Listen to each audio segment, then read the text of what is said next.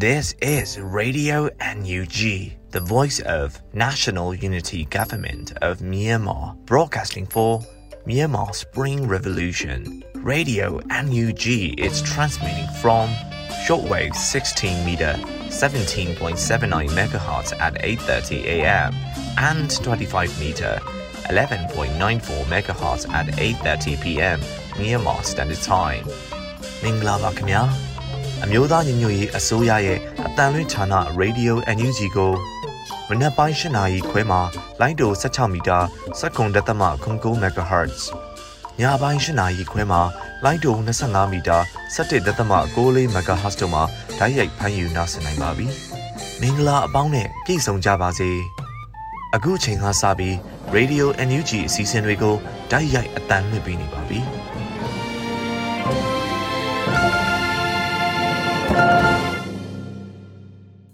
မြန်မာနိုင်ငံသူနိုင်ငံသားအပေါင်းတဘာဝပြီးဆရာနာရှင်ပြီးတို့ကနေကင်းဝေးပြီးကိုစိတ်နှစ်ပါးဘေးကင်းလုံခြုံကြပါစေလို့ရေဒီယိုအန်ယူဂျီဖွယ်သားများကဆုတောင်းမေတ္တာပို့သလိုက်ရပါတယ်ရှင်။အခုချိန်ကစပြီးပြည်တွင်းသတင်းများကိုတော့ရွေဦးမိုးကဖတ်ကြားတင်ပြပေးမှာဖြစ်ပါတယ်ရှင်။ရေဒီယိုအန်ယူဂျီရဲ့ညပိုင်းပြည်တွင်းသတင်းများကိုဖတ်ကြားတင်ပြပေးပါတော့မယ်။ပထမဆုံးအနေနဲ့အကြံဖက်စစ်ကောင်စီဟာပြည်သူများအကြားမှာ စိတ်နှလုံးမငြိမ်းချမ်းရအောင်ပို့ပြီးဆောင်ရွက်လာတာတွေ့ရတယ်လို့ပြည်တော်စုဝန်ကြီးချုပ်ဆိုဆိုတဲ့သတင်းကိုတင်ပြသွားပါမယ်။ဖေဖော်ဝါရီလ16ရက်ဂျာကာလာဒေသနရပြည်သူ့အုပ်ချုပ်ရေးဖော်ဆောင်မှုဗဟိုကော်မတီအစည်းအဝေးအမှတ်စဉ်ခုနှစ်မြေဆောင်2023တွင်ပြည်ထောင်စုဝန်ကြီးချုပ်မဝင်းခိုင်တန်းကအခုလိုပြောကြားလိုက်ပါတယ်။အကြံပတ်စစ်ကောင်စီဟာတိုင်းပြည်အခြေအနေကိုသူတို့ထိန်းချုပ်လို့မရတော့မှသိလာတဲ့အခါရုံးမှာကောက်ကျတဲ့နီလန်းနဲ့တိုင်းပြည်ကိုကစင့်ကလျာဖြစ်အောင် လက်နဲ့ခံရန်ကန်ဆောင်ခွင့်မူကိုထုတ်ပြန်ထားပြီးပြည်သူများကြားမှာစိတ်နှလုံးမငြိမ်းချမ်းရအောင်ပို့ပြီးဆောင်ရွက်လာတာကိုတွေ့ရပါတယ်။ဒါကြောင့်ကျွန်တော်တို့အနေနဲ့ပြည်သူကိုပို့ပြီးအကာအကွယ်ပေးနိုင်ဖို့နည်းလမ်းတွေကိုစဉ်းစားကြရတော့မှာဖြစ်ပါတယ်။ကျွန်တော်တို့ရဲ့ပြည်သူအုပ်ချုပ်ရေးဖော်ဆောင်မှုဆိုတာနယ်မြေစိုးမိုးမှုနဲ့ဓာတ်ရိုက်အချိုးကျတာကြောင့်နယ်မြေစိုးမိုးနိုင်မှုတည်ငြိမ်အေးချမ်းအောင်ဆောင်ရွက်နိုင်မှုတွေကိုလည်းပိုတိုးပြီးဆောင်ရွက်ကြရမှာဖြစ်တယ်လို့ဆိုပါတယ်။ ဒါအပြင်စစ်ကောင်စီဟာ၎င်းတို့နေမြေထိန်းချုပ်နိုင်ခြင်းမရှိသေးတဲ့ဒေသတွေမှာစစ်အုပ်ချုပ်ရေးနဲ့စစ်ဖက်တရားစီရင်ရေးကိုပြဋ္ဌာန်းတယ်လို့ပြောပြီးပြည်သူတွေကိုအနိုင်ကျင့်ချင်းချောက်မှုတွေရက်ဆက်တဲ့စစ်ရာဇဝတ်မှုကျွလွန်မှုတွေနဲ့ပြည်သူအင်အားကိုထိနဲ့အားနဲ့အောင်ပိုတိုးပြီးလှုံ့ဆော်လာမှာဖြစ်တယ်လို့ဝန်ကြီးချုပ်ကထပ်လောင်းဆိုပါတယ်။ American နိုင်ငံ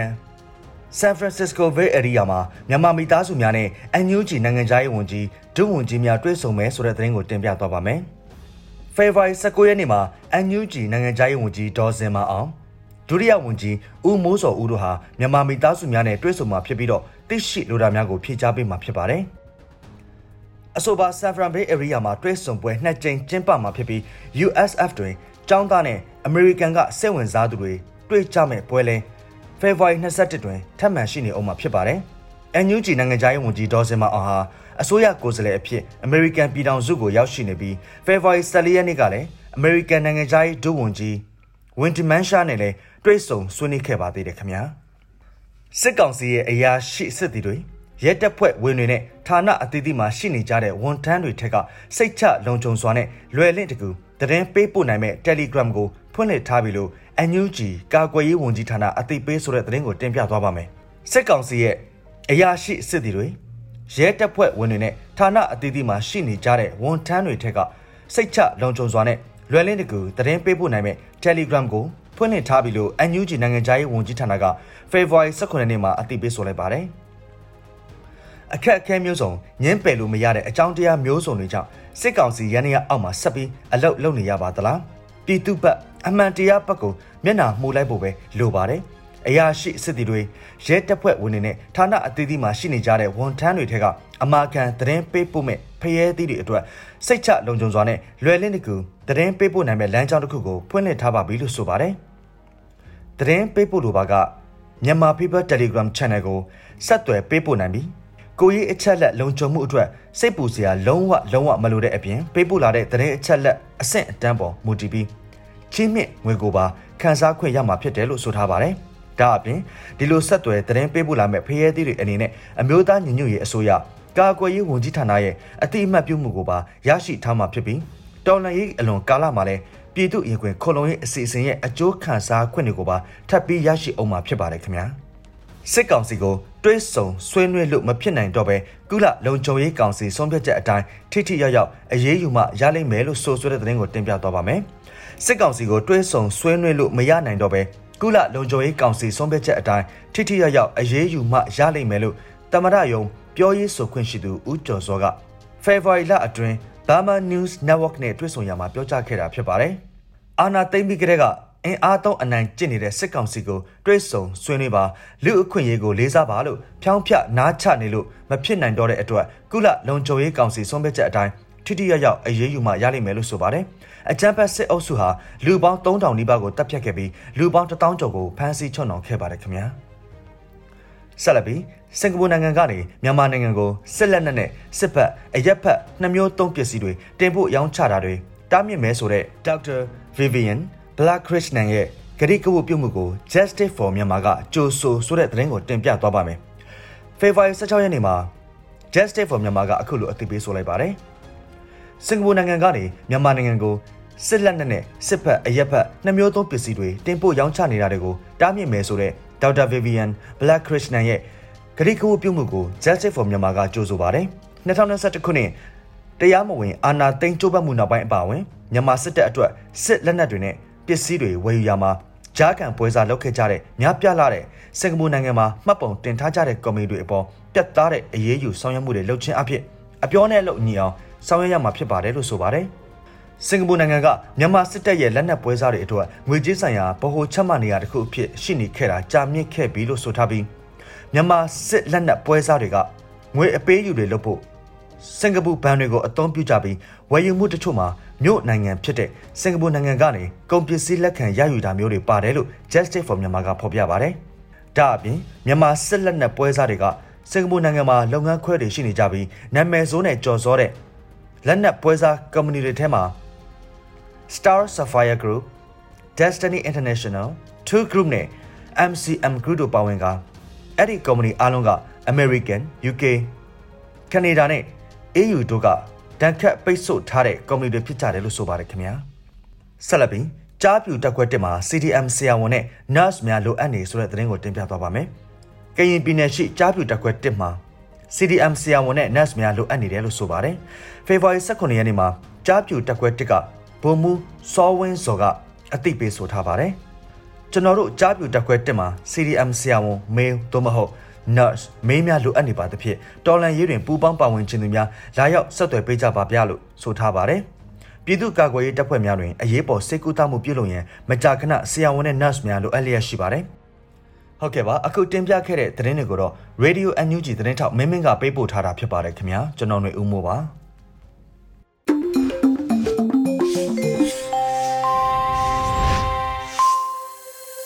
ဗီဒီယိုအမျိုးချီကိုနားတော်တာဆင်နေတဲ့ပရိသတ်များရှင်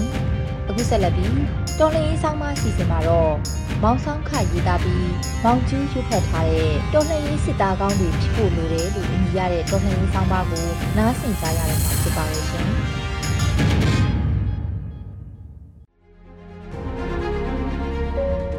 တော်လှန်ရေးစစ်သားကောင်းတွေဖြစ်ဖို့လိုတယ်။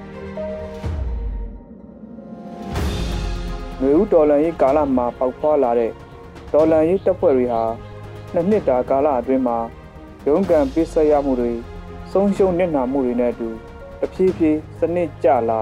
စစ်ပါဝလာကြတာကိုဝမ်းသာပွဲတွေ့မြင်လာရပါတယ်။ လက်နက်ကိုင်းလမ်းစဉ်ကိုရွေးချယ်ခဲ့ကြတဲ့လူငယ်တွေအနေနဲ့မိမိကိုယ်ကိုတော်လှန်ရေးစစ်သားတယောက်ဖြစ်ခံယူနိုင်ဖို့အင်မတန်မှရည်ကြီးလာပါတယ်။တော်လှန်ရေးစစ်သားတယောက်လိုခံယူကျင့်သုံးပြီးစစ်ကိုစစ်နဲ့တူအောင်တိုက်နိုင်မှဒီတိုက်ပွဲကအောင်ပွဲရနိုင်မှာဖြစ်ပါတယ်။ရေရှည်အတွက်မစင်စားပဲခံစားချက်တက်တက်နဲ့လက်နက်ကိုင်းနေတာပဲဆိုရင်ကျွန်တော်တို့အိမ်မီပြင်ဆင်ဖို့လိုပါပြီ။ကျွန်တော်ကိုယ်တိုင်လည်း အရင်ကစစ်ဆက်ခြင်းရေးကြပြစရာလူအခွင့်အရေးတက်ကြွလှုပ်ရှားသူဘဝကနေလက်နက်ကင်လမ်းစဉ်ကိုခက်ခက်ခဲခဲရွေးချယ်ဖြတ်တန်းခဲ့တာဖြစ်ပါတယ်။ကိုယ်တိုင်စစ်သားတယောက်လိုလက်ကျင့်ခံယူပြီးစစ်တပ်တစ်ခုကိုစ조사တိဆောက်နေရင်စစ်တပ်ယဉ်ကျေးမှုကို နားလည်လာမိတာတွေရှိခဲ့ပြီးပြန်လဲဝေမျှလိုတဲ့စံတာလည်းဖြစ်မိပါတယ်။ဒီဆောင်းပါးမှာတော့တော်လန်ရေးစစ်သားကောင်းတယောက်ဖြစ်ဖို့အဓိကလိုအပ်တဲ့အချက် ၃ချက်ကို ပြန်လည်မျှဝေလိုပါတယ်၁အမိတ်နာခံမှုကောင်းခြင်းအမိတ်လို့ပြောလိုက်ရင် လူငယ်တွေအနေနဲ့လက်ခံဖို့အတော်ခက်ခဲနေကြတာကို တွေ့ရတတ်ပါတယ်မတရားတဲ့အမိတ်အာဏာတွေကိုမလိုက်နာပဲအာခံစန့်ကျင်ရေးဟာနိုင်ငံသားတိုင်းရဲ့တာဝန်ဖြစ်တယ်ဆိုတဲ့ Henry David Thoreau ရဲ့အယူဆကိုမှီညမ်းပြီးဟန်တာဝရီဦးဝင်းတင်က မတရားတဲ့အမိတ်ဟုသမျှတာဝန်အရာဖီဆန်ကြဆိုပြီးပြောခဲ့တဲ့စကားကမြမနိုင်ငံရေးလောကမှာအတော်နာမည်ကြီးပါတယ်။အဲ့ဒါကိုတချို့လူငယ်တွေကလိုရာဆွဲသုံးချပြီးအာနာရှင်ကိုမုန်းလို့တော်လှန်ရေးလာလုပ်ပါတယ်ဆိုမှမိတ်တွေအာနာတွေနဲ့လာချုပ်ကင်နေတယ်ဆိုတာမျိုးပြန်ပြောတတ်ကြပါတယ်။အခုခေတ်မှာလွတ်လပ်တဲ့လူငယ်တိုင်းဟာမိဘစကားတောင်နားထောင်ခြင်းမှနားထောင်ကြတာဆိုတော့ ကျွန်တော်အပါအဝင်ဘယ်သူကမှတော့တစုံတစ်ယောက်ကကိုယ့်ကိုအမိန်ပေးစေခိုင်းနေတာမျိုးမနစ်သက်ကြပါဘူးဒါပေမဲ့လက်နက်ကင်ဒေါ်လာရွေးကိုရွေးချယ်ခဲ့ပြီဆိုရင်တော့အမိန်နာခံတဲ့ရဲဘော်တွေဖြစ်ဖို့ကအရေးအကြီးဆုံးဖြစ်လာပါတယ်အမိတ်မနာခံပဲမသွားနဲ့ပြောထားတဲ့နေရာကိုသွားလိုက်လို့မိုင်းနေမိပြီးခြေထောက်တွေဆုံးရှုံးသွားတဲ့ရဲဘော်တွေရှိလာတယ်အင်အားမမျှလို့ ပြန်ဆုတ်ဖို့အမိန်ပေးတာကိုခေါင်းဆောင်လုပ်ပြီးကြောက်နေတာလားလို့ဆိုကာစက်ပြစ်နေလို့ရန်သူလက်ထဲအရှင်ဖမ်းမိသွားတဲ့ရဲဘော်တွေရှိလာတယ်ဒီလိုစစ်မြေပြင်မှာဖြစ်လာတဲ့အမိတ်မနာခံမှုတွေဟာတင်တန်းကာလမှာစနစ်တကျမလေးကျင့်ခဲ့ခြင်းနဲ့နောက်တန်းစခန်းတွေမှာအလေးအနက်ထားမနေထိုင်ခြင်းမအုပ်ချုပ်ခြင်းကြောင့်ဖြစ်တာများပါတယ်။တော်လန်ရေးရဲဘော်တွေဖြစ်လာပြီဆိုရင်တော့ဒါငါအမေအိမ်ရောက်နေတာမဟုတ်ဘူး။ တော်လန်ရေးတက်ခုမှာစစ်မှုထမ်းနေတာဖြစ်တယ်ဆိုတာကိုကောင်းနဲ့ထည့်ထားပြီးစင်ကဲအုပ်ချုပ်မှုစနစ်ကိုနားလေကအမိတ်နာခံတတ်တဲ့အလေးကျင့်တွေရှိလာဖို့စူးစမ်းတည်ဆောက်ကြရမှာဖြစ်ပါတယ်။နှစ်နိုင်ငံရေးရည်မှန်းချက်ကို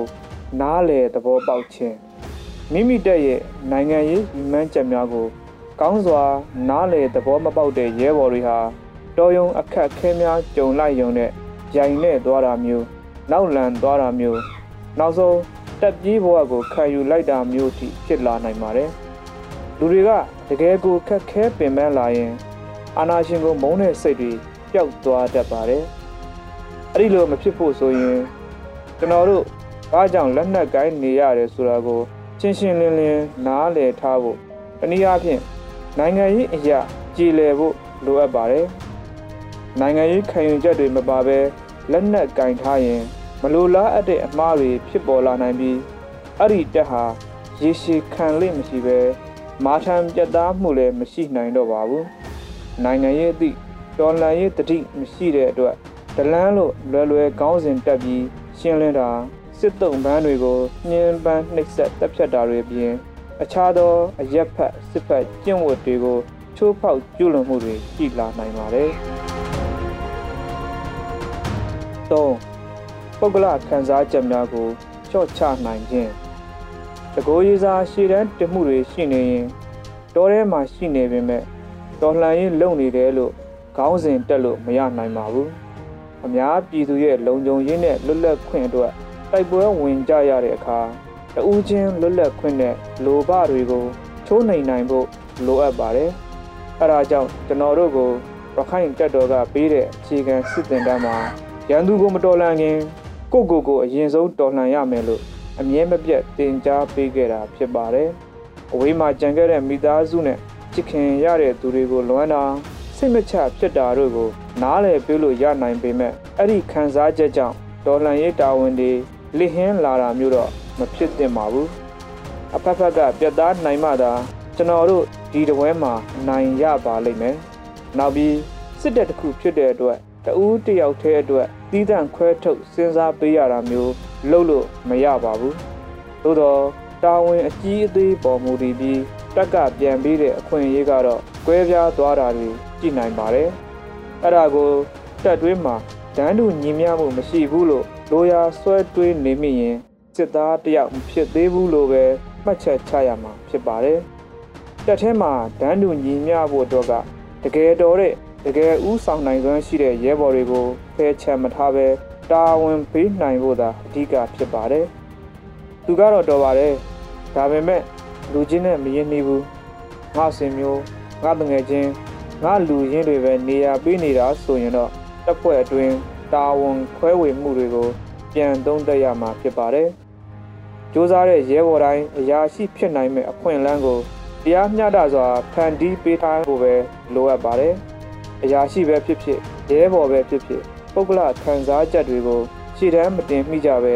တပ်ဖွဲ့ဝင်အချင်းချင်းဟိုချင်းစာနားလည်ပေးနိုင်ကြဖို့သဘောထားကြီးကြဖို့အမျောအမြင်ကြီးကြဖို့တိုက်တွန်းခြင်းပါတယ်။အခုခုဆိုရင်ကိုဘာကြောင့်တက်ထဲဝင်လာခဲ့တာလဲဆိုတာကို အမြဲပြန်စဉ်းစားဖို့လိုပါတယ်။တော်လှန်ရေးလုပ်ရတဲ့မူလရည်ရွယ်ချက်နဲ့ကိုယ့်ရဲ့လက်ရှိကိုယ့်ပုံစံနဲ့ကွဲလွဲမှုတွေရှိနေပြီလားအမြဲမပြတ် သုံးသပ်ရပါမယ်။လူဆိုတာဟောက်ပြန်တတ်တဲ့သဘောရှိပါတယ်။သမိုင်းမှာဘလောက်ပဲအာနာရှင်ကိုစန့်ကျင်တိုက်ပွဲဝင်ခဲ့ပါစေလက်ရှိအချိန်မှာအကျိုးစီးပွားတွေကြောင့်ဟောက်ပြန်သွားကြသူတွေကိုမြောက်ဝါထင်ထင်မြင်တွေ့နိုင်ပါတယ်။အနှစ်ချုပ်ရမယ်ဆိုရင်ကျွန်တော်တို့စစ်သားကောင်းတွေမဖြစ်ဘဲတော်လန်ရေးအောင်မြင်ဖို့မဖြစ်နိုင်ပါဘူးကျွန်တော်တို့လက်နက်ကင်ထားတဲ့သူတဦးတယောက်ချင်းစီတိုင်းမှာအမိတ်နာခံမှုကောင်းခြင်း နိုင်ငံရေးရည်မှန်းချက်ကို နားလေသဘောပေါက်ခြင်းနဲ့ပုဂ္ဂလခံစားချက်များကိုလျှော့ချနိုင်ခြင်းတွေစတဲ့အည်ချင်းတွေရှိဖို့လိုအပ်လာပါတယ်တော်လန်ရေးကိုမကြခင်ပြီးသွားမှာပဲဆိုတဲ့အတွေးမျိုးနဲ့ခဏတာဧည့်သည်သဘောမလုပ်ကြပဲရေရှည်အတွက်တေချာစဉ်းစားပြီးထိုင်မာတည်ကြည်တဲ့ဆုံးဖြတ်ချက်တွေနဲ့ကြည့်ဆက်ကြရပါမယ်။အဲ့ဒါဆိုရင်ကျွန်တော်တို့ရဲ့ Federal ပြည်ထောင်စုအိမ်မက်ကလည်းသိပ်မဝေးတော့ဘူးဆိုတာ သိကြပါတယ်။မောင်ဆောင်ခ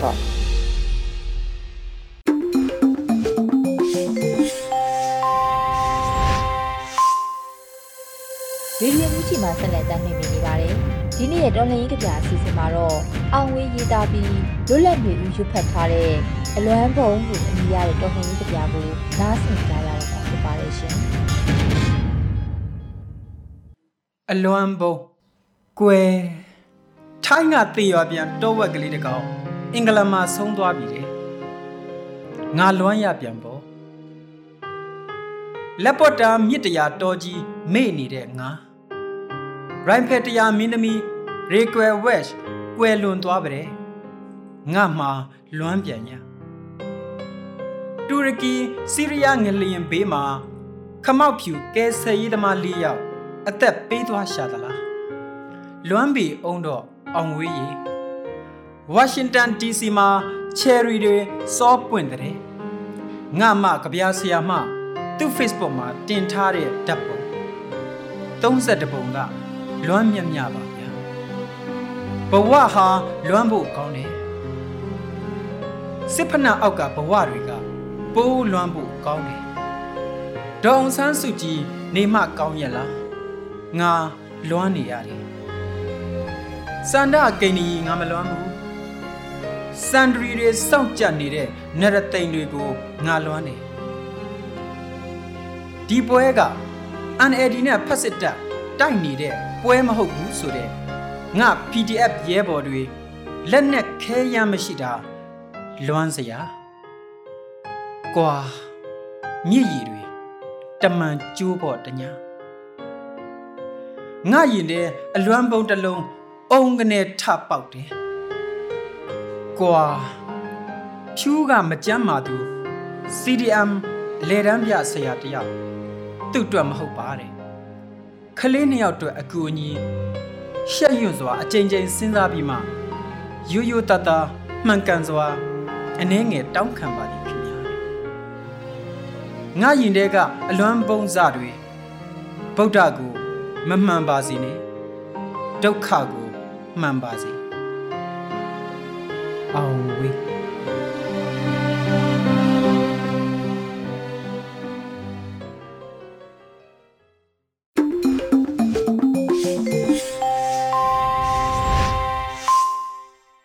ရေရွယ်ညူးချီပရိသတ်တွေအတွက်ကူးဆက်လက်ပြီးထုတ်လွှင့်ပေးမယ့်စီစဉ်ကတော့တော်လှန်ရေးအမှုပညာကဏ္ဍဖြစ်ပါတယ်။ တန့်ဝေကျော်တင်ဆက်ထားတဲ့ဖြည့်ချောင်းကုံစင်အညာတစ်ခွင်အပိုင်း39ကိုနားဆင်ကြရတော့မှာဖြစ်ပါရဲ့ရှင်။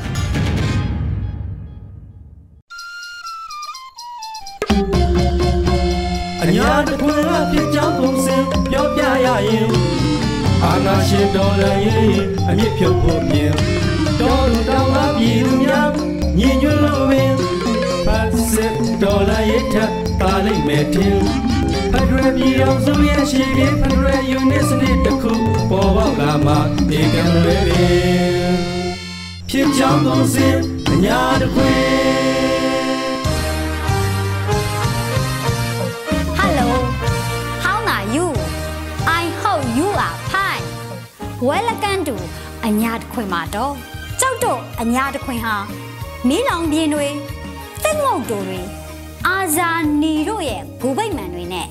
အယိုင်းဆန်ဆန်ခမ်းနားလွန်းလာတဲ့တော်လန်ရေးပြလိုက်ကြီးတစ်ခုပဲမဟုတ်ပါလားတော့ဒီပြလိုက်ကြီးမှာအညာသားတွေရဲ့အချစ်အလွမ်းစွန့်စားကမ်းပုံမြင်တွေကလည်းအများကြီးတော့မင်းဟာစစ်ကောင်စီဘက်တော်သားမို့ငါသားမဟုတ်ဘူးငါကပြည်သူကာဝေးရေးခေါင်းဆောင်ကွာ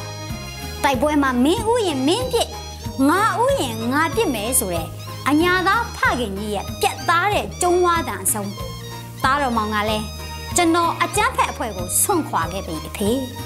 အဖေနဲ့အတူပြည်သူကိုကာကွယ်မဲ့ပြည်သူကာကွယ်ရေးတပ်ထဲပဲဝင်မာတော့မယ်ဆိုတဲ့သားဖနှစ်ယောက်ရဲ့ဇလန်းတွေကြောက်သားရှင်ပြုတ်ဖို့စုထားတဲ့ရွှေတို့ရွှေစလေးတွေကိုရောင်းပြီးတော့အတွက်အော်တိုမောင်းပြန်ရအောင်ဝယ်ပေးပါမတော့ဆိုတဲ့အညာသူဇနီးမရရဲ့ရဲရဲတောက်ဆုံးဖြတ်ချက်တွေငါသားအမေကအသက်ကြီးပြီ နဘောက်ဟောင်းလောင်းနေလေကိစ္စမရှိဘူးတားအတွက်ជីကုတ်တနတ်လေးဝယ်ပါဆိုပြီးနဂတ်လေးကိုချွတ်ပေးတဲ့အမေအိုလိုအဖြစ်တွေဒါဟာအညာတော်လန်ရေးပြလိုက်ကြီးရဲ့ပြကန်းအခင်းအကျင်းတချို့ပေါ့ကြောင်းပုံစံအညာတခွင်တော်လန်ရေးနှစ်နှစ်ကျော်လာတဲ့အချိန်မှာအညာဟာနောက်ထပ်ထပ်ပြီးဆုံးရှုံးစရာမရှိတော့ဘူးလို့ပြောရလောက်အောင်ထိခိုက်ခံစားခဲ့ရပြီးပြီ စစ်ရေးလောကရန်အမျိုးမျိုးရဲ့ထိုးနှက်ချက်တွေအောက်မှာတာမာခဲ့ပါပြီတော့အဆုံးထိတိုက်မဲဆိုတာကိုအပြောမဟုတ်အလောက်နဲ့အသက်တည်ပြခဲ့တာကျုပ်တို့အညာပါတော့ဒီတစ်ပတ်မှာလဲအညာတခွင်းကအဖြစ်အပျက်အစုံလင်ကိုတင်ဆက်ရရင်တောင်စင်နဲ့ flat တင်မော်ဒီသိနာအကုန်ကို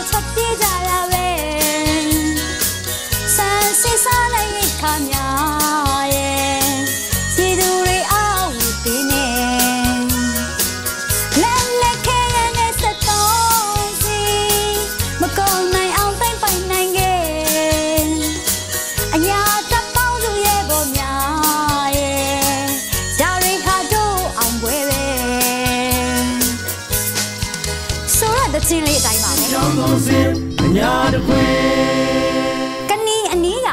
ချင်းတွင်းမြစ်မှာတောင်တင်းနေတဲ့စက္ကစစားနက်ရိတ်ခါတင် flat သင်းမောကြီးကိုပြည်သူကာကွယ်ရေးတပ်ပေါင်းစုတွေကတိုက်ခိုက်သိမ်းပိုင်နိုင်ခဲ့ပါလေ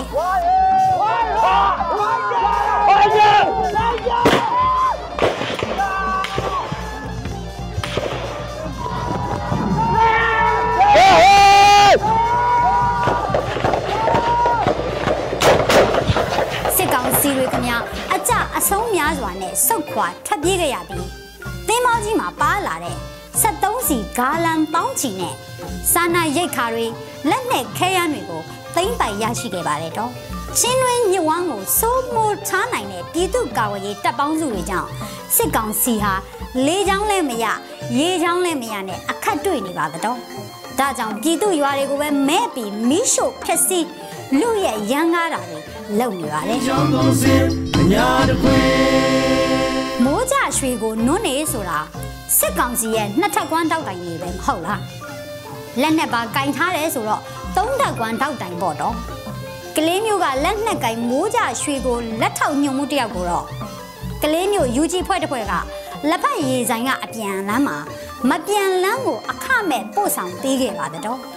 သူကင်ထားတဲ့အရှိတလက်ကတော့ ရဲဘော်တွေအတွက် Valentine Day လက်ဆောင်ပေါ့တော့ကြောင်းပုံစံအညာတခွင်ပြူစောတိရွာတွေလည်းဒဇဒဇစီးမင်းသိမ့်ပိုက်ခံရတာမနှဲတော့ပါဘူးတော့သခိုင်းပြူကျုပ်လို့ခေါ်ရမယ်အလစ်စီဝါတဝရဲ့ပြူစခန်းကိုလည်း PDF တပ်ပေါင်းစုတွေစီးနှင်းလိုက်လို့စခန်းလည်းပြကြပြီးဘိုးတအူးအပါဝင်ပြူတွေလည်း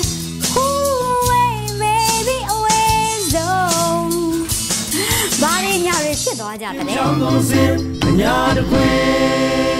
အဲညောင်နယ်နဲ့ချောင်းနယ်တလွားမှာလဲဘဲကနေဘယ်လိုပေါ်လာမှမသိအုံငနဲ့ဝုံငနဲ့ထိပါများလို့စကစတွေခမညာစခန်းတွေမှာမနေရတော့ပဲဖျားကြိုဖျားကြမှာနေကြရရှာတဲ့တော့အေးရအနောက်ကသူရဲကောင်းတွေကလည်းမခေဘူးတော့မြစ်ချီ VPN တက်ကိုဝင်စီပြီးလက်လက်တွေရောလူတွေပါရလိုက်ပါသေးတဲ့တော့ လေရင်နဲ့လားပစ်ပေမဲ့ပြည့်တပြည့်သိန်းစွန်ရဲ့နီးပြူခါနဲ့ဝင်တိုက်ခဲ့တာမဟုတ်အထီအခိုက်မရှိစောက်ခွာနိုင်ခဲ့ပါတော့ဒါတွေကတော့အညာမြေရဲ့အောင်ပွဲတွေပေါ့ဒါပေမဲ့ဒီတစ်ပတ်အညာမှာပေးဆက်မှုတွေကလည်းကြီးမားပါတော့ဆလင်းကြီးကိုအပြင်းအထန်ထိုးစစ်ဆင်ခန်းနေရတယ်လို့ပြည်သူ့ကာကွယ်ရေးရဲဘော်တွေလည်းအငိုက်မိပြီးအကြအဆုံးများပြခဲ့တာတွေလည်းရှိခဲ့ပါတော့ကဏီနယ်နဲ့ရင်းမပင်နယ်မှာလည်း မိရှုပ်ဖြက်စီးရန်ကားမှုတွေကြောင့်ကျေးရွာငားရွာလုံးဝပြကြခဲ့ရပြီးစစ်ဘေးရှောင်တောင်းနေချီရှိနေပါတယ်ကတာကျွန်းလှစတဲ့ဒေသတွေမှာလည်းစစ်ကြောင်းထိုးတပ်ဖြတ်မိရှုပ်မှုတွေကိုအသေးအတန်ခံစားနေရသေးပါတော့ရေဦးတိုက်ပွဲမှာရွှေဘိုတိုက်ရင်ကိုကအားအကိုရဆုံးဒုတိုက်ရင်မူကြဆုံးခဲ့ရတာကြောင့်အထိအခိုက်အနစ်နာတွေလည်းများတဲ့တပတ်လို့ဆိုရမှာပါ တော်လိုင်းရဲ့ရဲဘော်တွေအားမလျှော့အောင်အားပေးထောက်ပံ့ရမှာကတော့ကျုပ်တို့ခမားတို့ရဲ့တာဝန်ပဲမဟုတ်လားတော့ကြောင်းကုန်စင်အညာတခွေနိုင်ငံရေးအခြေအနေကိုပြောရရင်မအလာဟာ6လတက်တန်းတိုးမာရှယ်လောထုတ်တယ်လို့လက်နက်ကင်ဆောင်ဝဲအိုရီပါထုတ်ပြန်ပြီးအလုံးစုံပြတ်သုံးရေးအတွက်မထူးဆက်ခင်းနေပါပြီဒီမထူးဆက်ကြောင့်ပြည်သူအသက်အိုးအိမ်တွေထိခိုက်လာနိုင်တာမို့ စစ်တပ်ဆိုရင်မစင်ချက်ယွန်ပြီးရှောင်ကျဉ်မှုလိုပါပြီတော့နောက်တစ်ချက်က Federal ခြေလမ်းတွေတိချက်ပိုစိတ်ဖို့ပါပဲနေပယ်အသီးသီးကခေါင်းဆောင်တွေအနေနဲ့ဖြည်းဖြည်းလေးနဲ့နှင်းနှင်းအေးစေးလုပ်မနေကြပဲအမြန်ဆုံးမရောက်ရောက်အောင်စူးစီးဆွေးနွေးတိဆောက်ကြဖို့လိုနေပါပြီမအားလာရဲ့စကားစကိုနိုင်ငံရေးလက်ဦးမှုမပေးဖို့အင်မတန်အရေးကြီးနေပါပြီတော့ အညာကစော်လန်ရေးအင်အားစုတွေအနေနဲ့လဲတော်လန်ရေးရှေ့ရောက်နေတဲ့အညရဲ့အသွင်ကူးပြောင်းမှုဖြစ်စဉ်ကိုမူတွေချမှတ်ပြီးဆောင်ရွက်ဖို့အချိန်တန်းနေပါပြီ။ဒါမှသာအနာဂတ်ဖက်ဒရယ်ပြည်ထောင်စုမှာအညာဖက်ဒရယ်ယူနစ်ဟာစံပြဖွဲ့စည်းမှုတစ်ရပ်ဖြစ်လာမှာပါတော့အကျန်းဖက်စစ်ကောင်စီတပ်များကပြည်သူကြီးရွာများကိုနေ့စဉ်မီးရှို့နေကြပါတယ်။နှစ်နှစ်တာအတွင်းနေအိမ်အဆောက်အအုံပေါင်း 62,399လုံးမီးရှို့ဖျက်ဆီးခံခဲ့ရပြီလည်းဖြစ်ပါတယ်။ထွက်ပြေးရတယ်ထွက်ပြေးတော့ဒါကိုရွာကိုတော့ဒီလိုကြီးတီလဲရှို့မယ်မထင်ဘူးပေါ့မရှို့မယ်မထင်တော့ဒီလိုပဲတောတွေတဲ့ကိုသွားကြလာကြပြီးတော့ဒါညမနက်ထပိုင်းတစ်ချက်တီးလောက်ကိုရှို့သွားတာပေါ့ရှို့ပြီးတော့ဒါအိမ်လေးပြန်လာတော့ခါဝခါစားနဲ့ပြန်ခဲ့ရတော့ရေတောက်စရာနေရတောင်မရှိပါဘူးပါတာပေါ့မီးလေးတွေလည်းယူပြီးကရှိသေးတယ် ပြီးတော့ကြာအိမ်မဲပရိဘောကာလေးတွေအစုံဝက်ဆုံမျိုးတွေနဲ့အကုန်ပါပဲခါဝခါစားလေးကြံတာပါသားသမီးတွေများတော့အဝတ်ထဲရစပြည့်ပြည့်စုံစုံရှိပါတယ်ငွေကြီးမချမ်းသာပေမဲ့နေဖို့ထိုင်မှုရတော့တော်လေးပြည့်စုံအောင်နေရပါတယ်ဒါပေမဲ့ခုကြဝန်းနေရတောင်မကြံရင်မောင်ရေဒီယိုအန်ယူဂျီအနေနဲ့စစ်အာဏာရှင်ကြဆုံးပြီးတော်လိုင်းရေးကြီးအပီးတိုင်အောင်မြင်ဖို့အတွက်ကြာယာကဏ္ဍမှာအစီအစဉ်ကောင်းတွေကိုစ조사ထုတ်လွှင့်နေပါတယ်။ ရေဒီယိုအန်ယူဂျီအစီအစဉ်တွေကိုရေဒီယိုတွင်သာမကအင်တာနက်စာမျက်နှာအသီးသီးကလည်းနားဆင်နိုင်ကြပါတယ်။ဒါကြောင့်မို့ရေဒီယိုအန်ယူဂျီရဲ့ YouTube စာမျက်နှာဖြစ်တဲ့ youtube.com/radio မြန်မာကိုဝင်ရောက် subscribe လုပ်ထားခြင်းအပြင်တော်လိုင်းရေးကိုတစ်ဖက်တစ်လမ်းကကူညီနိုင်တဲ့အကြောင်းအသိပေးပါရစေ။အခုလိုတော်လန်ပြည်သူတောတာရှင်တွေရဲ့ subscribe နဲ့ view တွေကလည်းတော်လန်ရစ်အတွက်အားစိတ်တစ်ခွက်ဖြစ်တယ်ဆိုတာသတင်းကောင်းပလိုက်ရပါတယ်ခင်ဗျာ ဒီကနေ့ကတော့ဒီညနေပဲ Radio NUG ရဲ့အစည်းအဝေးတွေကိုခਿੱတရနာလိုက်ပါမယ်မြန်မာစံတော်ချိန်မနက်၈နာရီခွဲနဲ့ည၈နာရီခွဲအချိန်တွေမှာပြန်လည်ဆုံးဖြတ်ကြပါစို့ Radio NUG ကိုမနက်ပိုင်း၈နာရီခွဲမှာလိုင်းဒို16မီတာစက္ကန့်တသမ9 MHz ညပိုင်း၈နာရီခွဲမှာလိုင်းဒို25မီတာ17တသမ6 MHz တို့မှာဓာတ်ရိုက်ဖမ်းယူနားဆင်နိုင်ပါပြီမြန်မာနိုင်ငံသူနိုင်ငံသားများကိုယ်စိတ်နှပြကျန်းမာချမ်းသာလို့ ဘေးကင်းလုံခြုံကြပါစေလို့ Radio NUG အဖွဲ့သူအဖွဲ့သားများကဆုတောင်းလိုက်ရပါတယ်။အမျိုးသားညီညွတ်ရေးအစိုးရရဲ့စက်သွေးရေးသတင်းအချက်အလက်နဲ့ဤပညာဝန်ကြီးဌာနကထုတ်လွှင့်နေတဲ့ Radio NUG ဖြစ်ပါတယ်။ San Francisco Bay Area အခြေစိုက်မြန်မာမိသားစုများနဲ့နိုင်ငံတကာကစေတနာရှင်များလှုပ်အားပေးများရဲ့ Radio NUG ဖြစ်ပါတယ်။အရေးတော်ပုံအောင်ရမည်